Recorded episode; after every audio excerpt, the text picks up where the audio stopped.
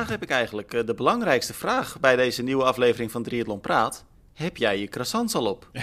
dat is redelijk goed. Dat is redelijk goed. Ik, ik zat erop te wachten. Ik denk, wat wordt het? Wordt het zoals wij gewoon in België als uh, um, ja, in normaal Frans zeggen, zeg maar croissant? Of wordt het een croissantje? Um, dat zat er ergens tussen. Dus uh, goed, goed gedaan, uh, Tim. Maar, ja, ja nou mooi, mooi om te horen. En dat op zondagochtend, hè? want ehm, dat is denk ik even goed om te zeggen. We nemen hem nu uh, vandaag dus, uh, deze week zou ik dan eigenlijk moeten zeggen, een keer wat eerder op. Normaal nemen we hem eigenlijk altijd op, op maandag of zelfs de dinsdagochtend op, de dag van publicatie. Nu doen we het op zondagochtend, want Hans, ik ga een weekje even wat rustiger aandoen. Ik ga een paar dagjes weg, lekker. Ehm, dus we hadden zoiets van, dan nemen we de podcast nu ook wat eerder op. Dan hebben we daar ook geen, geen omkijken naar deze week. Hans, dat is wel jammer dan, want dat betekent dus wel zondagochtend. Uh, op dit moment dat wij aan het opnemen zijn, is uh, Ironman 70.3 Mossel B bezig. Maar er komt natuurlijk vandaag, zondag, veel meer. Hè? En ik denk als hoogtepunt natuurlijk uh, Cozumel. Ja, en ja. voor jullie Belgen, kijk, Martin van Riel komt ook in actie, geloof ik, hè? Andere wedstrijden. Ja, ja in Fortaleza in Brazilië. Dus um, ja, de, de, als de mensen dit horen, dan weten ze het natuurlijk. En wij zitten nu nog vol spanning af te wachten. Dus ik, ik had ook zoiets van, wat gaan we ermee doen, Tim? Ik dacht, weet je wat, als Tim op vakantie is, dan doe ik gewoon een podcast. Maar dat is ook een beetje lullig van dan alleen tegen mezelf te praten. Dus, uh, dus de, de, verslagen hebben jullie te goed. Hè? Dat, dat hebben jullie ondertussen ook gelezen. Dus... Uh, Precies. Je zal het vandaag maar moeten ik, doen met twee zenuwachtige, gespannen uh, podcast-hosts uh, die nog niet weten wat er op hen afkomt. Ja, en laten we dan nu ook niet al te veel op die wedstrijden vooruitblikken. Want dat heeft weinig zin. Uh, als je dit dinsdag luistert, dan weet je de uitslag al. Dus dan heeft het weinig zin dat wij nu gaan vooruitblikken op die wedstrijden. Nu, we, en we kunnen wel een paar versies opnemen natuurlijk. Hè? Dat we zeggen, oh, kijk, goed gedaan van Marten van Riel. ja. Of dan doen we de versie van, oh, dat is jammer. Hè? Al die pech die hij gehad heeft, of hij had zijn dagje niet. Dat kunnen we zo wat doen. En misschien met Cosmo ja. hetzelfde doen met de zwemtijden. Dat we dan zeggen van, wauw, die 39 minuten van Menno Cola's. Dan maken we, oh, die 42 ja minuten van Menno Cola's. Hè? Dat, dat. ik kijk er wel naar uit, Hans, Koosmel. Want uh, Menno Cola's, je zegt het al. Maar we hebben qua Nederland uh, hebben we echt een over, overdadige luxe, zou ik bijna willen zeggen. Want we hebben ook uh, Tom Oosterdijk, Tristan Olij, Diede Diedericks, Marlene de Boer. dus dat zijn natuurlijk allemaal wel, wel atleten die nou ja, op zijn minst echt richting een goede prestatie kunnen gaan. Kijk, meestal ja, natuurlijk gericht op Menno. Gedaan. daarom, daarom. Dus we gaan het zien. Ja. Ik, ik bedoelde dan weer van, uh, als je dit dinsdag hoort natuurlijk. Hè, dus, uh... Oh, ik, ik snap het. Ik dacht dat jij bedoelde, die hebben een goed seizoen achter de rug. ja, ook dat, ook dat. Maar, uh, um... Ja. Oké, okay, Hans, één ding springt er voor mij deze week wel uit. Ja, eigenlijk vorige week dus. Ik zou het zo vet vinden als het echt gaat gebeuren. En het lijkt er echt op. Mathieu van der Poel. Ja. onze Nederlandse fietsheld natuurlijk. Gaat met jullie, de Belgische YouTube-held en inmiddels natuurlijk ook een Ironman-held, want hij heeft zijn eerste wedstrijd al gedaan dit jaar. Uh, Everett Rob, uh, ze gaan samen een hele doen, hè? Een, een hele Ironman. Ja, ja. Ja, het, het, uh, hij is een man van zijn woord blijkbaar. Uh, want het was ja? de tweede keer dat hij is komen uh, opdagen bij uh, Average Rob. Um, de, de, vorige keer, toen ging het denk ik over um, 10.000 likes en toen had de, de, de video 400.000 kijkers. Dus kwam hij terug om de twee te leren mountainbiken. En nu hebben ze afgesproken van we gaan een Ironman doen en we doen dat samen. Um, en ja, ik ben, ben zeer benieuwd of hij uh, zich deze keer aan zijn belofte gaat, uh, gaat houden. Maar wat me wel opvalt, Tim, want we hebben het alle twee gebracht, is de, de reacties erop. Die, die zijn echt wel. Ja, het zijn, zijn er veel. Massale reacties van, van iedereen. Het, het zijn er echt veel. En dat zul jij, denk ik, net als wij ook hebben. Het, is, het zijn niet alleen veel reacties, het zijn ook gigantisch veel mensen die het blijven lezen. Want onze, onze bezoekersaantallen die zijn echt sky high. En dat is al uh, een aantal dagen zo. Mensen vinden dit echt heel tof. En ja, Hans, kijk, ik begrijp het wel. Mathieu van der Poel is natuurlijk hier in Nederland echt een held. Hè? Ik bedoel, mm -hmm. die wint zo'n beetje alles wat er te winnen... Ja, ja, bij jullie ook natuurlijk, inderdaad. Maar goed, ik denk dat er is natuurlijk zeker in het veldrijden, ja, op de weg ook, iets minder misschien, is er natuurlijk altijd nog wel een hele grote strijd. Hè? Nederland-België. Uh, dus dan kan ik me voorstellen dat jullie ja, toch iets meer met de Belgische wielrenners en veldrijders hebben. Uh, dus, dus hij zal hier nog een maatje groter zijn, denk ik. Ja, maar, hij, hij, woont, hij woont ook net over, uh, over de grens. Dus hij wordt ook wel een beetje als eentje van ons uh, beschouwd. Je hebt echt wel een heel strak kamp, zeker in het veldrijden. Uh, maar ik denk tegenwoordig ook gewoon op de weg. Je hebt het kamp Wout van Aert, je hebt het kamp Mathieu van der Poel. Dat is wel duidelijk. En dan heb je natuurlijk nog, zeker op de weg in de zomer, Remco Evenepoel. Nu, die zit niet in het veld. Dus um, bij het veldrijden merk je wel duidelijk van dat zelfs in Vlaanderen er heel veel supporters van Mathieu zijn.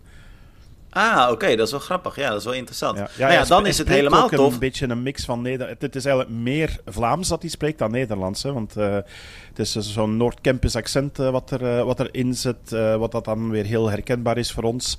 Um, dus dat, dat maakt dat, dat Mathieu voor heel veel Belgen ook wel eentje van ons is. Ook al omdat hij al zo lang in België woont natuurlijk.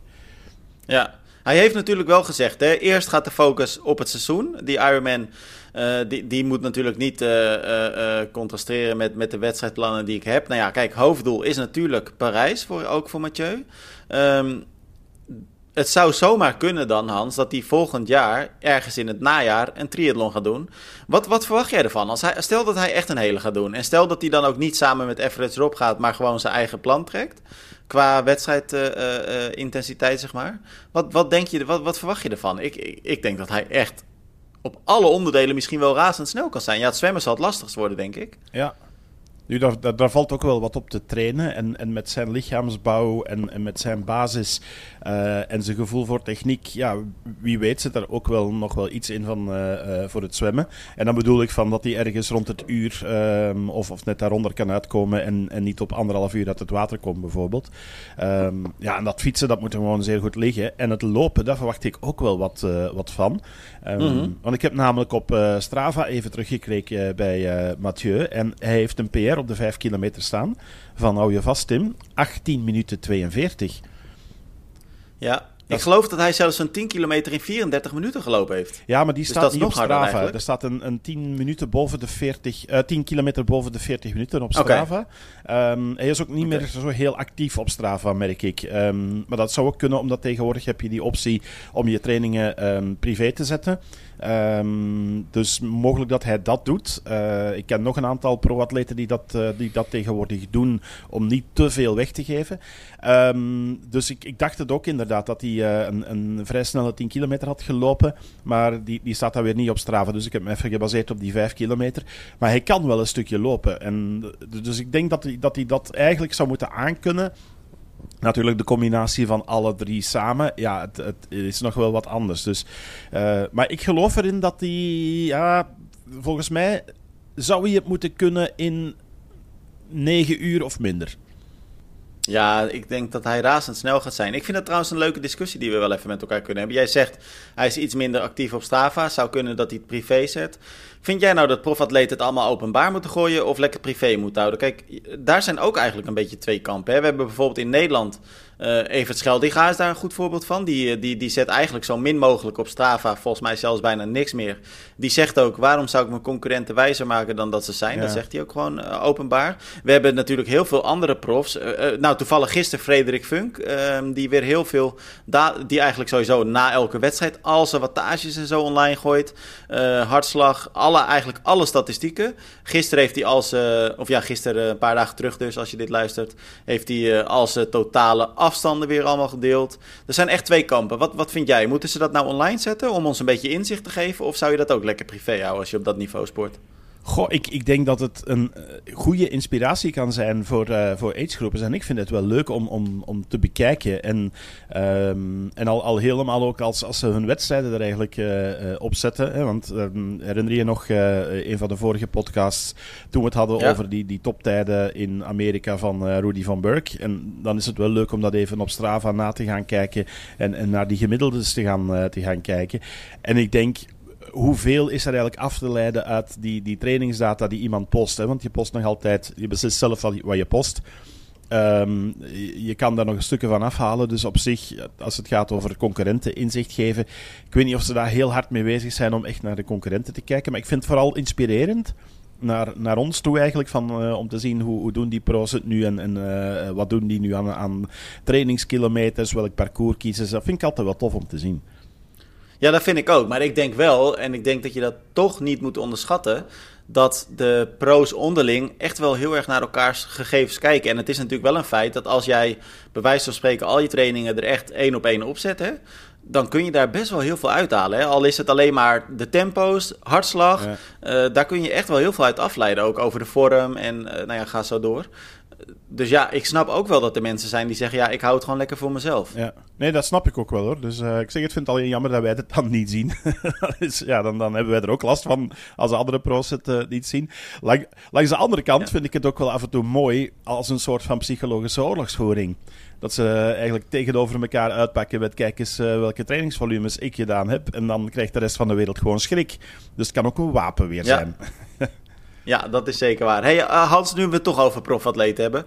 Ik vind het echt heel erg speciaal wat er gebeurd is. Uh, ik was afgelopen vrijdag uh, bij het vrijwilligersfeest van Challenge Almere Amsterdam. En daar was niemand minder dan Kieran Linders. En dat is natuurlijk eh, voor de mensen die je misschien niet kennen uh, een Britse topatleet. Werd in 2022 winnaar van Challenge Almere Amsterdam. Werd toen Europees kampioen. Dit jaar werd hij tweede achter uh, Menno Koolhaas. En waarschijnlijk de meeste mensen zullen ook nog wel weten hoe Kieran Linders over de finish kwam. Hij kwam namelijk gewoon letterlijk kruipend over de finish. touch him. Do not touch him. Ik denk dat mensen... Het blijft uh, heftig, hè? Die woorden in mijn stem de wereld rond gegaan zijn. Uh. Ja, die zijn echt de wereld rond gegaan. Het is echt overal in het nieuws geweest. De grote nieuwszenders, Duitsland, Frankrijk, Spanje, Amerika, Engeland Iedereen zond het uit. Uh, nou ja, goed, dat verhaal kennen we. Uh, had een, nou ja, zat gewoon tegen een heatstroke aan, zo simpel is het. Was een half uur na de finish gelukkig uh, na een ijsbad en nou ja, toedienen van allerlei middelen die hij nodig had, weer een beetje de oude. Heeft lang nodig gehad voor zijn herstel. Maar wat heeft hij nou gedaan? Die is dus met het vrijwilligersfeest, is hij vanuit Engeland, is hij hierheen gevlogen naar Amsterdam. Vervolgens naar Almere gekomen. Om, Hans, en ja, ik vind het echt heel speciaal de vrijwilligers die op dat feest waren persoonlijk te bedanken. Dat siert hem wel, hè? Ja, dat is mooi. Dat is echt wel mooi. Dit is ook, uh, ja, ik heb hem nu ook beter leren kennen. Het is een gouden kerel. Uh, maar dit ziet hem echt wel. Om, om, om dit te doen, dat is nog net. Ik bedoel, je kan een filmpje opnemen en op Instagram zetten en zeggen eh, thank you. Um, maar in een vliegtuig stappen en uh, naar het vrijwilligersfeest komen, ja, petje af. Ja, en wat hij zei, en dat vond ik ook wel mooi hoor. Hij zei. Uh, nou, hij maakte eerst een grapje. Hij zei: Jongens, ik voel me een stuk beter dan de vorige keer dat ik jullie sprak. Uh, maar hij zei: Ja, ik heb eigenlijk heel veel aan jullie te danken. Want als jullie niet zo snel en zo adequaat hadden opgetreden met elkaar. En natuurlijk zijn dat niet alleen de vrijwilligers geweest. Er was ook gewoon medisch personeel. Maar het is uiteindelijk een combinatie van. Uh, hij zegt: Zonder jullie ja, jullie hebben me gewoon veilig gehouden. En uh, ervoor gezorgd dat ik hier nu nog sta zonder dat ik blijvende schade heb opgelopen. En hij zegt: Jullie zijn niet alleen voor mij heel speciaal jullie zijn eigenlijk voor alle atleten ontzettend speciaal. En mhm. ja, Hans, ik denk dat dat precies is zoals het is, toch? Vrijwilligers zijn gewoon onmisbaar eigenlijk. Het, het is eigenlijk het hart van iedere organisatie, denk ik.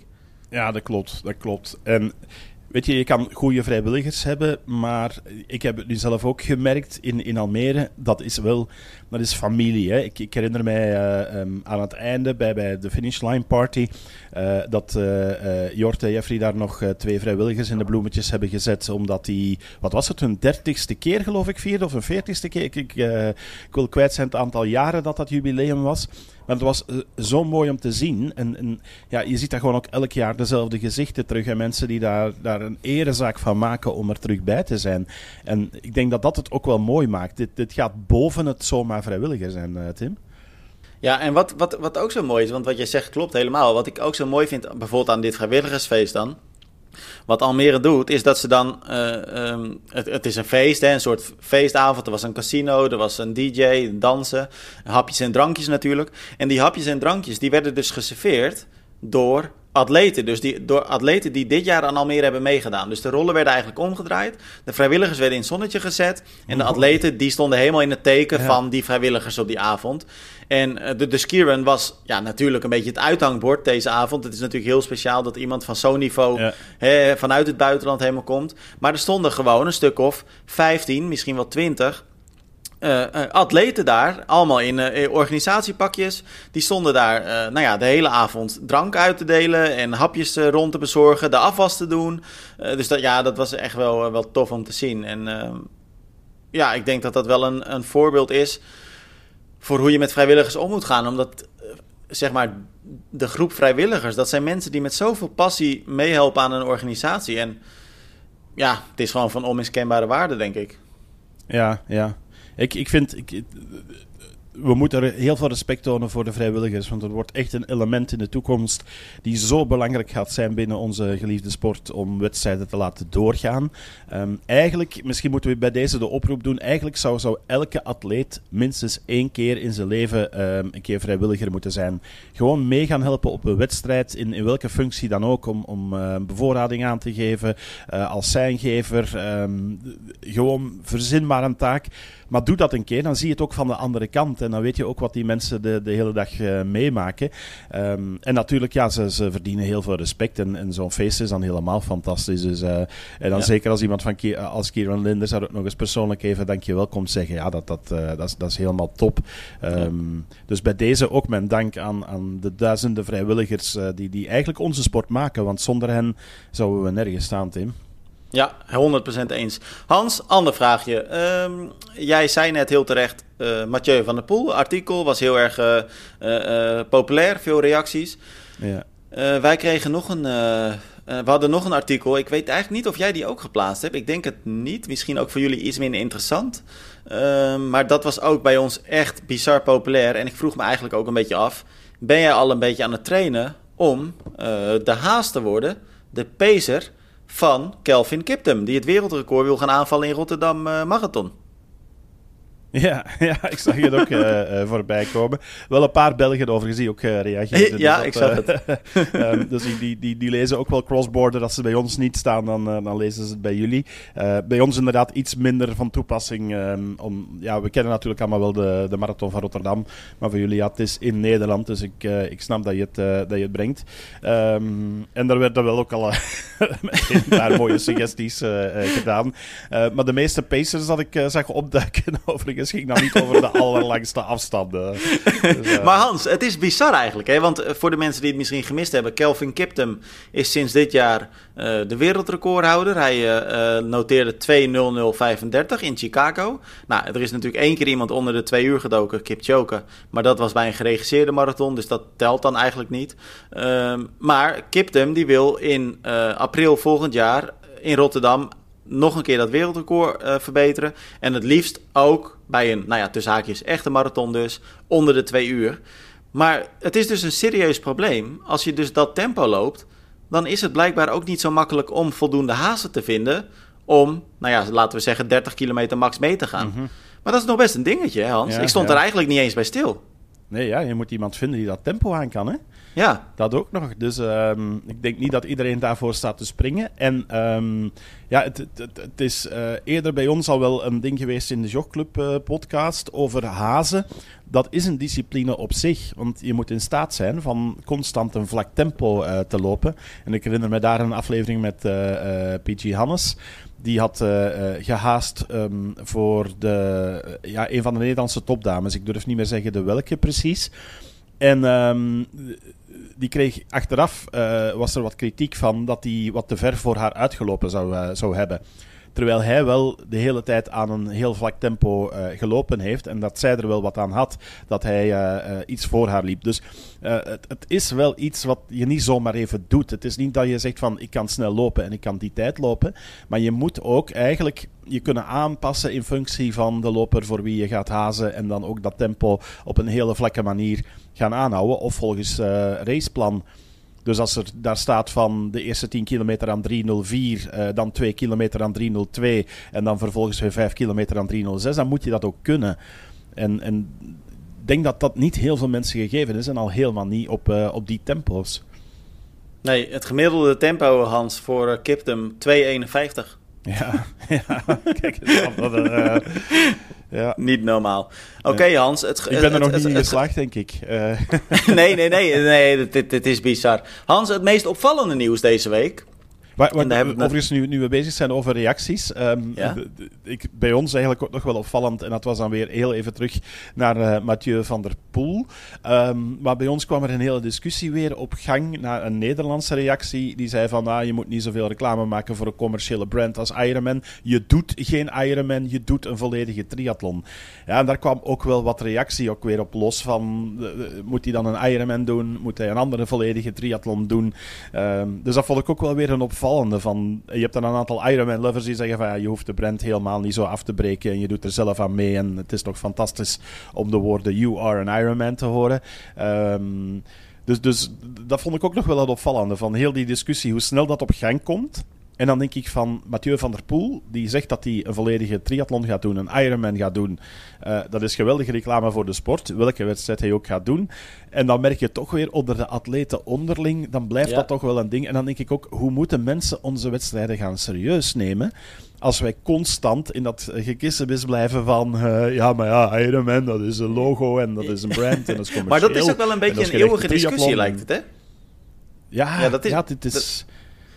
Het, blijft maar terugkomen. En ik zag die discussie inderdaad ook ontstaan. En ja, het lastige is, heel veel mensen die, uh, waar niks mis mee is hoor, want het is best wel begrijpelijk. Hadden het natuurlijk vorige week ook nog met elkaar over hoeveel EK's je hebt, hoeveel WK's, nou ja, et cetera. Um, dat geldt in dit geval ook een beetje. Een Ironman is natuurlijk geen afstand. Het is een merk inderdaad.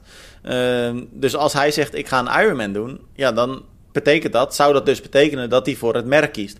Ik ga er heel eerlijk gezegd vanuit dat het een beetje als een automatisme wordt gezegd. Uh, in het geval van Mathieu van der Poel. Want ik denk ook niet dat hij heel erg in die materie per se zit.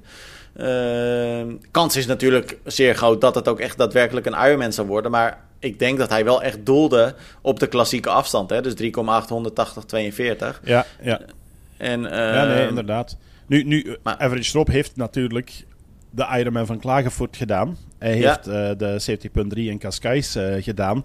Um, dus hij zit wel in het, het Ironman-circuit. En eh, ook toen hij het gedaan heeft, klonk het overal bij ons in de pers van Average Rob heeft een Ironman gedaan.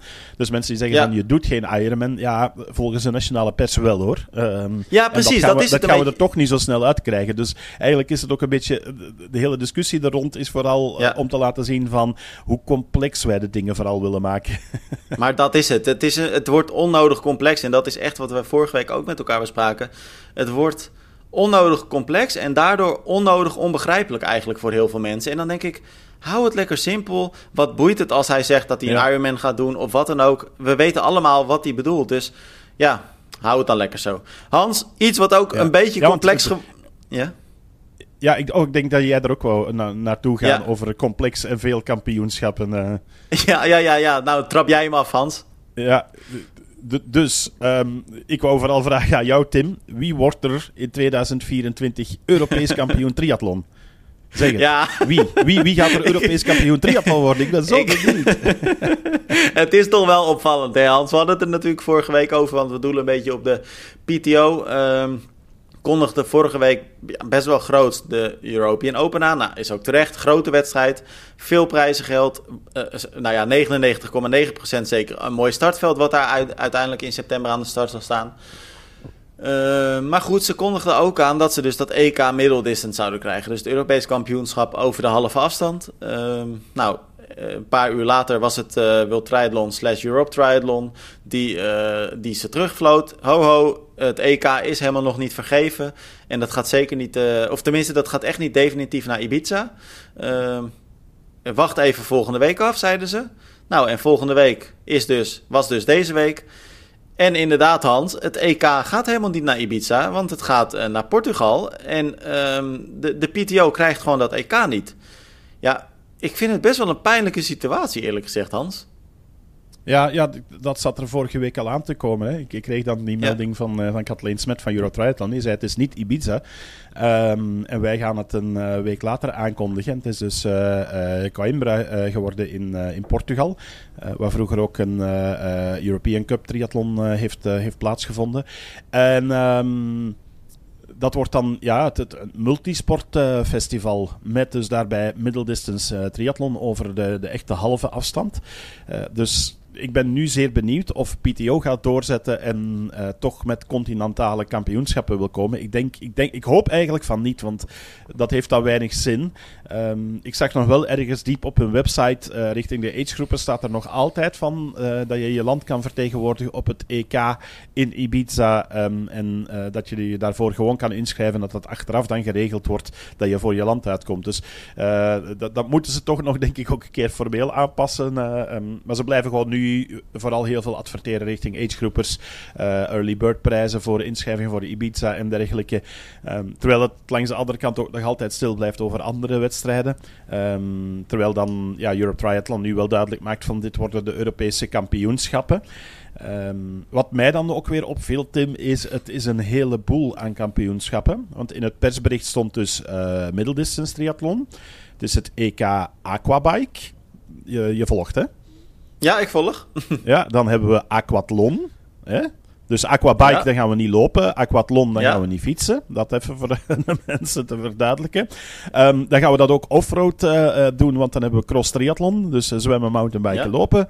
Um, dan hebben we cross duathlon. Dus dat is lopen, mountainbiken, lopen. -huh. Mhm. dat stond allemaal in het persbericht. Dat is zoals we de multisport um, festivals ondertussen kennen sinds de laatste jaren. en dan kregen we nog een toevoeging eronder van de duathlon-fanaten. die zeiden van, ja, maar het is ook EK um, duathlon. Um, en dat zou dan een van de eerste belangrijke kwalificatiewedstrijden worden voor de, de World Games, waar duathlon terug op het programma staat in 2025. Oké. Okay. Dus je krijgt eigenlijk tijdens dat hele multisportfestival krijg je zo'n race van sporten. En op zich wel leuk dat dat dan op één locatie zit, maar ik denk dan ook van ja dat wordt dan wel heel veel. En, en daar ook nog eens duathlon bij. En het is goed dat er een EK duathlon komt en, en dat dat op tijd uh, gekend is. Um, maar ik had zoiets van, ja, als je dit van buitenaf uh, bekijkt, en ook zeker in de week dat wij er gaan over berichten, want dat gaan we wel doen. We gaan dus een week lang wachten. Wat had ik dus gezegd? Je had aquathlon, aquabike, middle distance, cross duathlon, cross triathlon, duathlon standaard. En ik weet niet of sprinter ook nog mee tussen zat of dat het uh, de mixed relay was. Ja. Maar alleszins, dat zijn zeven Europese kampioenen, Tim. Die we In daar een week, week ja. kronen. Dus Keer zeg twee, maar, wie inderdaad. wordt er Europees kampioen? Ja, ja, ja, ja. Maar ja, Hans, is dat ook niet... ook nog eens de dames erbij en uh, de heren. En dus, is dat, uh, is, ja. is dat ook niet een beetje het gevaar van zo'n zo'n multisportweek? Want ik moet heel eerlijk zeggen... Uh, kijk, ik ben er één keer geweest zelf, in Pontevedra. Ja. Nou ja, en in Almere trouwens. Maar ja, dat was eigenlijk uh, uiteindelijk een volledig uitgeklede multisportweek. Omdat alleen het long distance uh, evenement door kon gaan vanwege COVID. Toen is dus eigenlijk gewoon die hele week uh, niet doorgegaan. Maar in Pontevedra heb ik het echt in, alle, in, in zijn volle ornaat mogen ervaren. Het is echt wel heel erg tof. Het is een...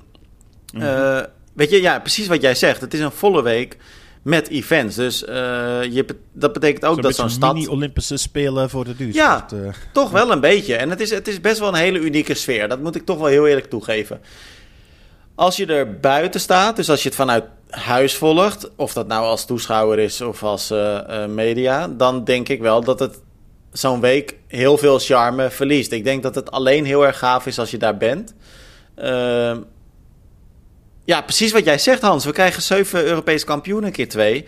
Um, dan, ja, het, het voelt een beetje minder, minder gewichtig of zo. Hè? Het, is, uh, ja, het is te veel, denk ik dan ook. Ja, ja dat, dat is het hem net van. van. Probeer dat eens uit te leggen aan de mensen. Uh, en ik denk EK Middeldistance Triathlon, dat er daar nog wel een aantal in gaan, uh, gaan volgen. Maar dan al de rest daarbij. Um, ik moet er zelf ja. soms bij nadenken, omdat atleten verschillende uh, disciplines combineren. En dan moet ik ook weer goed nadenken van, oké, okay, die was dus Europees kampioen. Was dat nu cross duathlon of was cross triathlon? Ik denk cross duathlon, ja. die is wereldkampioen. Dus uiteindelijk, ja te veel titels. En dat is dan nog niet het enige, want Europe Triathlon heeft nu ook een EK Olympische Triathlon aangekondigd. Ja. Dat is alweer in september in Vichy. De Ironman Wel een leuke locatie. dus dat is ook wel, ja, dat vond ik een heel opvallende keuze. Um, ja. En uh, daar krijgen we dus uh, het uh, EK Triathlon over de Olympische afstand. En dan is er ook nog een EK over de sprint en de supersprint afstand in Turkije. Um, dus dat zijn nog extra Europese kampioenen die erbij komen. Wat we kunnen En, doen, en dan zijn we er nog we... niet, want we hebben ook nog ehm, het EK Ja. 70.3 Ironman, het EK Ironman, maar dat kan dan evengoed een niet-Europeaan Europees kampioen worden. Ik bedoel, kan je nog volgen, Tim? Ja, en dan heb je natuurlijk het EK Long Distance in Almere nog. Eh, ja, ja, ook nog. en- dat zijn er, eh, dan en- zitten we op 10. Ja.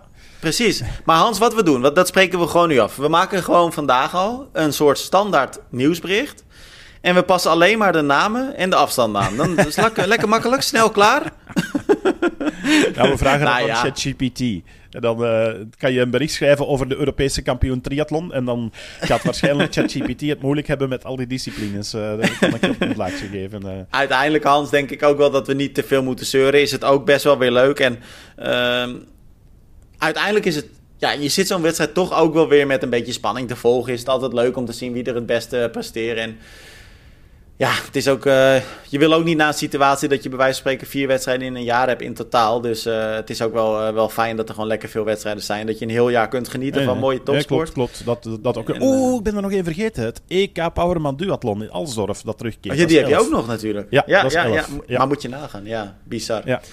Oké Hans, Eh, we kunnen ook altijd gewoon nog de auto pakken hè, tijdens de wedstrijd. Heb je dat gelezen? Ja, ja. Oh, dat was bij ons ook eh, volop, eh, volop in de pers. Ik heb het zelf bij ons niet gebracht. maar ehm, ja, ja, Bizar hè. ja. We hebben het over een Schotse ultraloopster. Dan hoop ik maar dat, het, dat ik het goed uitspreek. Het zal waarschijnlijk niet van oorsprong een Schot zijn, denk ik. Eh Joasia Sakraszewski, denk ik. Sakraszewski. ik denk, het klinkt meer... Ja, het, klinkt niet echt, het klinkt niet echt Schots, het klinkt meer Pools of zo. Maar, eh, Scottish mate. maar En volgens mij was dit eerder Australisch dan Schots accent bij mij. Maar goed. eh, ja, dat is waar. Ja. Maar het is in ieder geval, eh, ja, heel, ik vind het opmerkelijk nieuws. Want het is ook niet de eerste, de beste ultraloopster. Eh, ze heeft een paar keer het eh, WK Ultramarathon podium gehaald. Ze heeft het wereldrecord over 48 uur eh, hardlopen gewonnen, of, gepakt. 411 kilometer liep ze toen. Maar nu heeft ze dus meegedaan aan een eh, ultrarun in Engeland, van Manchester naar Liverpool. En wat blijkt, 80 kilometer. Maar zij heeft niet 80 kilometer gelopen. Ze heeft een kilometertje of 4, 5 in de auto gezeten op een snelheid van 50 kilometer per uur. ja. Nou ja, we hebben natuurlijk eh, niet zo heel lang geleden ook nog gehad over die marathon in Mexico. Waar ik geloof de helft van alle deelnemers eh, met het openbaar vervoer stukken ging. Ja. Maar ik vind, dit, ik vind dit toch ook wel weer opvallend hoor. Ja, ja, en ik vraag me dan vooral af, want ehm, dat zijn dan ook vaak heel milieubewuste eh, atleten, Ja. of ze dan een elektrische wagen heeft genomen of een hybride op zijn minst. nee, want het is echt heel... eh, Daarom pleit ik ook weer dat eigenlijk iedereen zijn gegevens zou moeten openbaren op Strava. Dat was het meteen opgevallen. Ehm, en ze wist het goed genoeg, hè, want dat vind ik dan nog het meest bizarre aan haar uitleg achteraf. Ja, Ze zei van ja, ik kreeg aan de finish eh, die, die eh, medaille werd gehuldigd. En ik dacht, ja, oké, goed. ehm, dan, dan, dan maar zo. Ik zal het achteraf wel eh, vertellen. Maar ze heeft het dan natuurlijk niet meer verteld. En ze zei, ik had beter toen op dat moment moeten zeggen van dat het niet klopte. Dus het was een beetje, ja. ik, vond dat een heel, heel bizarre uitleg van... eh, ze hebben mij gehuldigd, dus hadden die door dat ik fout of, of vals gespeeld heb. Du- dus laten we het maar zo, ja... maar het is toch ook heel gek dat je überhaupt nog over de finish gaat als je van jezelf weet dat je in de auto gezeten hebt. Dat, dat is toch heel raar? Ja, ja, Want je, stel, je stelt jezelf ook al gelijk de vraag: heeft ze dan al die andere wedstrijden eerlijk ja, ja, geweest? Of is dat- voilà. Dat ja, is, eh, maar ja, het dat- is, eh, het dat- is eh, vervelend. Ja, ja. Nou, Hans, dezelfde vraag heb ik mij gesteld bij onze Russische atleet die nu alsnog een Ja. lange schorsing heeft gekregen. Ik weet niet of jij het verhaal ook gezien hebt, Tim. Ik denk het wel, hè? jullie hebben hem ook gebracht. Ja, maar zo Ehm, lang vind ik het helemaal niet. Het is een half jaar, geloof ik. Nee, nee, ze heeft nu twee jaar gekregen. Hmm. Ehm, dus Oké. ze had een half jaar gekregen. Het gaat over Valentina Riasova. Eh, in 2021 eh, Europees kampioene sprinttriathlonnen bij de belofte. Dat is dus een van die Ja. weinige Europese kampioenen. Dus die ken je meteen natuurlijk. Als je die naam ziet kijken, hey, die is Europees kampioen. Want dat was ik nog vergeten. We hebben elf kampioenschappen. We hebben natuurlijk elf kampioenen bij de elites, maar ook bij de belofte en zo. Dus eh, Ja. wij, wij zijn een En de encyclopedie. Ja. ja, dat krijg je dan ook nog. Mensen die roepen, ik ben Europees kampioen triathlon. Eh, Uh, en dat is dan in een van de age group categorieën. Wat ook mooi is als je dat bent. Um, maar goed. Ja. Um, maar dus Valentina Riasova, die uh, is dan in hetzelfde jaar, want ze werd Europees kampioen sprint triathlon in Kitzbühel. En dan in Valencia hetzelfde jaar over de kwartriathlon is ze gepakt geweest op een verboden middel. Um, en in september 2022 werd ze door World Triathlon veroordeeld tot een halfjaar schorsing. En uh, het RUSADA, het Russische antidopingagentschap, net zij, dat vond ik wel opvallend, die zijn in beroep gegaan bij het TAS, het Internationaal uh, Sporttribunaal. En daar hebben ze uh, RUSADA gelijk gegeven en hebben ze een schorsing opgelegd van twee jaar. Um, dus met de periode die zij al geschorst was bij World Triathlon, uh, daarbij mag ze nu tot uh, maart of mei 2025 geen wedstrijden meer doen. Okay. Um, dus op zich vind ik dat een goede uitspraak. Ik vond het zeer bizar dat World Triathlon tot een uitspraak kwam van een half jaar. Dat is ook niet ja. onderbouwd geweest. Er is ook helemaal niks van nieuws bekend van welke tegenargumenten zij mogelijk ingebracht heeft. Uh, want het ging over het uh, middel uh, methylhexanamine. Um, en dat is iets wat dat eigenlijk ja, een jaar of vijftien geleden opdook. Um, het zou de focus versterken, het zou vermoeidheid tegengaan en je zou ervan afvallen. en het was blijkbaar in die periode vooral um, zeer populair onder de lopers in Jamaica. want daar is ooit de, de, de volledige ja, korte afstandsploeg zeg maar, opgepakt geweest in de jaren 2008, 2009. Um, dus dat, dat middel dat gaat al wel een tijd rond. Dat staat al lang op de verboden lijst. Dus het is eigenlijk bijzonder dom dat je dat nu als triatleet nog pakt. Uh, maar goed, het feit dat ze Russes is en iets uh, verboden gepakt heeft en dan maar een half jaar schorsing krijgt. Heel Zij heeft dus gewoon dit jaar nog wedstrijden gedaan, Tim. Ja. Ze is tweede geworden op het Russisch kampioenschap. Ze stond op het podium in uh, de Grand Prix in Frankrijk. Waar we een wedstrijd mm -hmm. overigens hadden met drie Russische dames op het podium. Waar ik mij al heel erg vragen over stelde. Want ja, de Russen zijn een tijd geweerd geweest van alle competities. Ook nog eens ten gevolge van uh, de oorlog in uh, Oekraïne. Um, en dat zij gewoon eigenlijk uh, is, is kunnen doorgaan na dat half jaar schorsing. Nu alsnog twee jaar schorsing heeft gekregen. En World Triathlon Tim heeft alleen een DSQ uitgesproken voor het EK in Valencia. Waar ze dus betrapt Heel is. Maar al haar andere uitslagen die blijven gewoon staan. En dan ja, denk gek, ik van, hè? ja, is dat wel correct? Ja, en 100% met je eens. En ik zat een beetje op haar socials even te kijken toen ik het nieuws zag. En uh, zij eigenlijk vol trots uh, plaatsen ook gewoon nog steeds de foto's dat ze wedstrijden won of op het podium stond. Um, ik weet niet of dat nu nog is, een paar dagen geleden in ieder geval wel. Uh, uh, ja, dat vind ik dan ook wel opvallend, want je hebt gewoon ja. te maken met iemand die eigenlijk constant vals speelt, lijkt het. ja, we kunnen er kort en lang over praten, Hans. Eén ding weet ik wel. Het is in ieder geval weer ontzettend slecht voor de sport. En het gevaar zit er ook een beetje in. Als Nederlander denk je ook heel snel... Oké, okay, Russische atleet, gedisqualificeerd prima. Maar wat zegt dit, en ik blijf het zeggen hoor, en het is niet leuk, uh, maar wat zegt dit over uh, andere atleten? Want eh, het, het is echt niet alleen zij die dat gebruikt. En we hebben nu natuurlijk best wel een jaar waarin er best wel wat uh, dingen over doping naar buiten zijn gekomen. Ook grote atleten. Ehm, Colin Caché. Nou ja, we hebben nu natuurlijk Sam Laidlow wat een beetje speelt. We hebben die Thomas Steger die geschorst is, die overigens nog steeds ontkent en die ook gesteund daarin wordt door heel veel mensen. Nou ja, nu dit meisje. Waarschijnlijk zijn er nog een paar uh, mensen die ik eventjes vergeet. Um, ja, uiteindelijk alleen maar verliezers, Hans. En uh, ja, zonde gewoon, toch? Ja, klopt, klopt. Um, en niet goed ook voor de sport. Dus ja, nee. dit soort cheaters die moeten eruit. En ik denk misschien is dit... Ja, het is een moeilijke, hè. Ze is gepakt geweest in, in, in Valencia. Maar ik vind van, ja, moeten we er toch niet eens over nadenken? Moet een internationale federatie er niet over nadenken. Te zeggen van, kijk, we schrappen gewoon al die resultaten van dat jaar waarin je gepakt wordt. Um, ook uit respect voor de atleten die, die achter je gefinished zijn. Um, dus uh, dat, want dat zat ik me nog te bedenken, Tim. Ze is dit jaar tweede geworden op het Russisch kampioenschap. En dan dacht ik van, ja, wat moet die winnares aangeslikt hebben? Dat krijg je dan. ja, maar je, maar je zou natuurlijk ook... Kijk, eventjes advocaat van de duivel, stoel van de duivel. Je zou natuurlijk ook kunnen zeggen want aan de ene kant ben ik het helemaal met je eens. Denk ik, oké, okay, hop, in één keer alle uitslagen eruit. Nooit meer terugkomen in de sport. Aan de andere kant denk ik ook. Wat als je wel onschuldig bent, hè? Want dat ja, kan natuurlijk ja. ook, hè? En, en mm-hmm. oké, okay, de kans is echt heel klein, hè? Dat begrijp ik ook wel heel goed. Maar het kan. En het is hetzelfde als... Uh, kijk, dan kom je... Dat is natuurlijk heel ander vaarwater. Maar als je de, de, de doodstraf, wel of niet... er zijn natuurlijk mensen die zeggen... je zou de doodstraf gewoon weer moeten herinvoeren. en in heel veel landen is het natuurlijk ook gewoon nog. Maar wat als je iets niet gedaan hebt, Hans... en je krijgt zo'n straf? Dat is best wel, ja. nou ja, om een understatement te gebruiken, vervelend. Dus. ja, maar, ja, de dus, is vervelend. Ja, daarom. Nee, maar, maar, maar stel, snap je? Dus het is een hele lastige discussie. ja, sowieso een beetje overdreven. Ik kon twee jaar schorsing te vergelijken met de doodstraf. uh, maar ik denk, denk, misschien moeten we het gewoon echt vergelijken met een effectieve gevangenisstraf. Ja, en nadien moet je eigenlijk de kans krijgen om terug in uh, de maatschappij te treden en, en je leven terug op de rails te krijgen. Um, en moet dat dan in het geval van doping ook kunnen. En dan je, je merkt wel bij echte dopingjagers en dopinghaters dat die zeggen van nee, want je bent gedopeerd voor het leven. Um, en zelfs mensen die uh, tijdens een schorsingsperiode die kunnen gewoon blijven doortrainen en kunnen zelfs pakken, want die worden toch niet gecontroleerd in veel gevallen.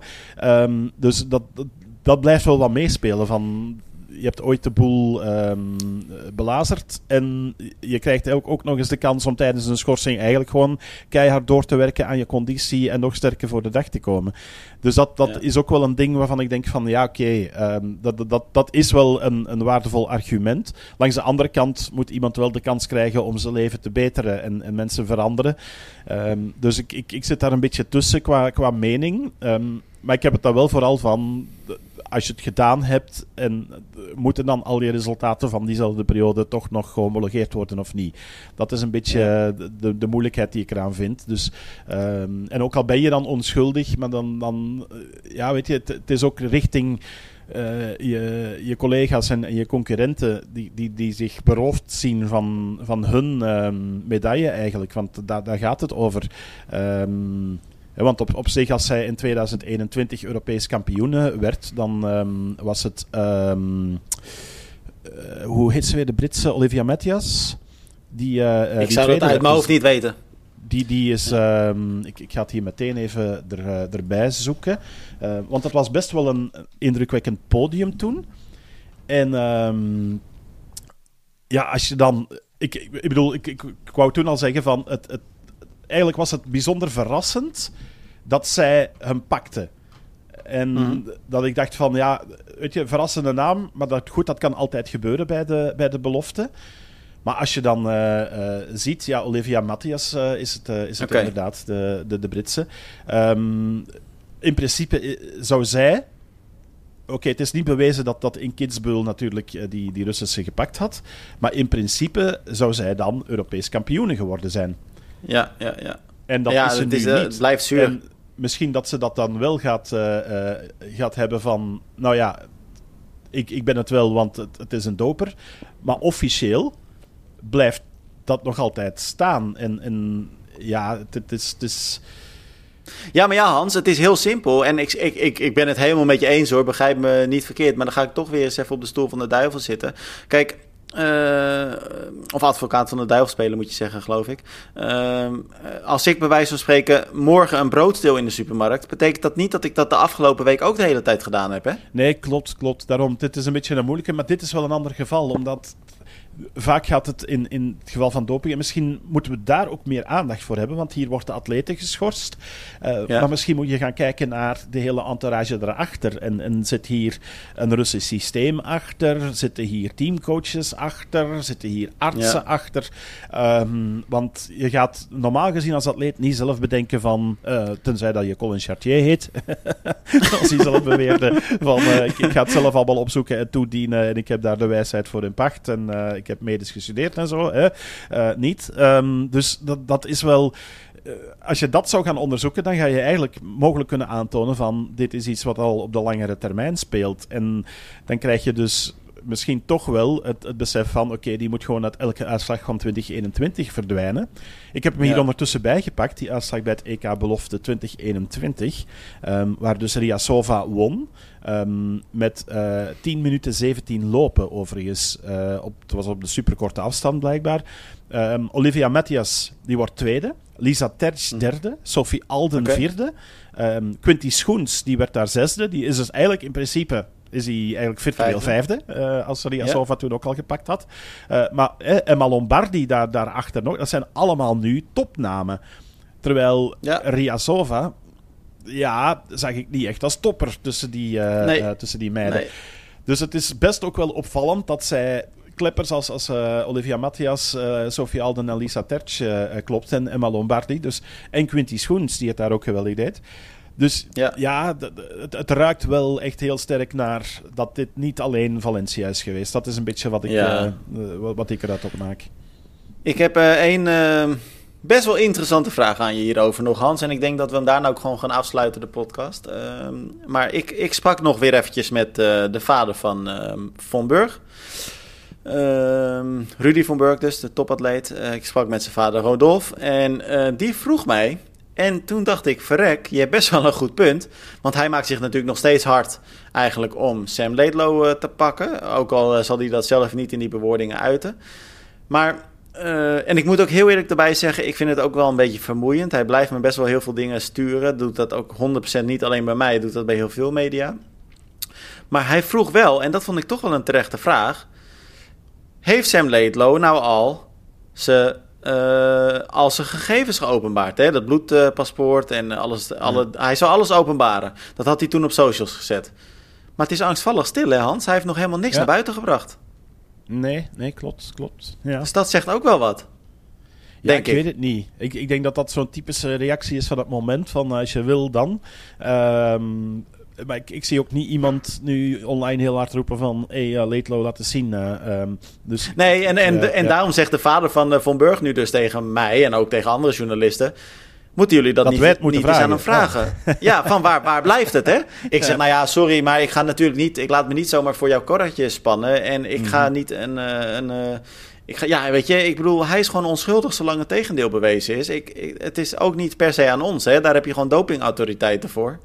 Um, maar ik vond het wel een interessant punt. En toen dacht ik, hij heeft inderdaad met heel veel bombardie geroepen... ik ga het allemaal openbaren, uh, dan kun je het zien. Maar dat heeft hij niet gedaan. En ja, als ik heel eerlijk ben, dan denk ik wel bij mezelf... als je onschuldig bent, ja. niks te verbergen hebt... en vervolgens zo publiekelijk wordt aangevallen... ja, dan zou ik het wel openbaren, denk ik, Hans. Ja, ja. ja ik, ik weet niet, want ook dan kan je weer dingen gaan lezen die er niet zijn of zo. Of, of, of wordt het weer helemaal op. Dus ik, ik, ik kan me ook wel voorstellen dat hij ondertussen wel wat advies heeft gekregen uit de uh, professionele uh, kant. Um, een beetje mediatraining erbij, dat uh, is af en toe ook niet mis, denk ik, aan, in het geval van Sam Laidlow. Um, dus ik kan me ook wel voorstellen dat binnen zijn entourage mensen ook hebben gezegd van Sam, je gaat er gewoon even over zwijgen. We gaan even ja. de storm laten voorbijrazen en, en als het moment opportun is, dan zullen we misschien wel reageren.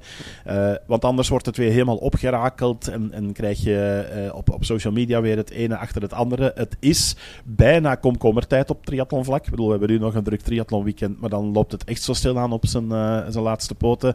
Uh, en krijgen we minder drukke weekends. En dan, dan gaat er te veel aandacht naar dit soort zaken gaan. Dus ik kan me wel voorstellen dat er een strategie nu achter zit vanuit zijn entourage die zegt van Sam, doe maar even rustig.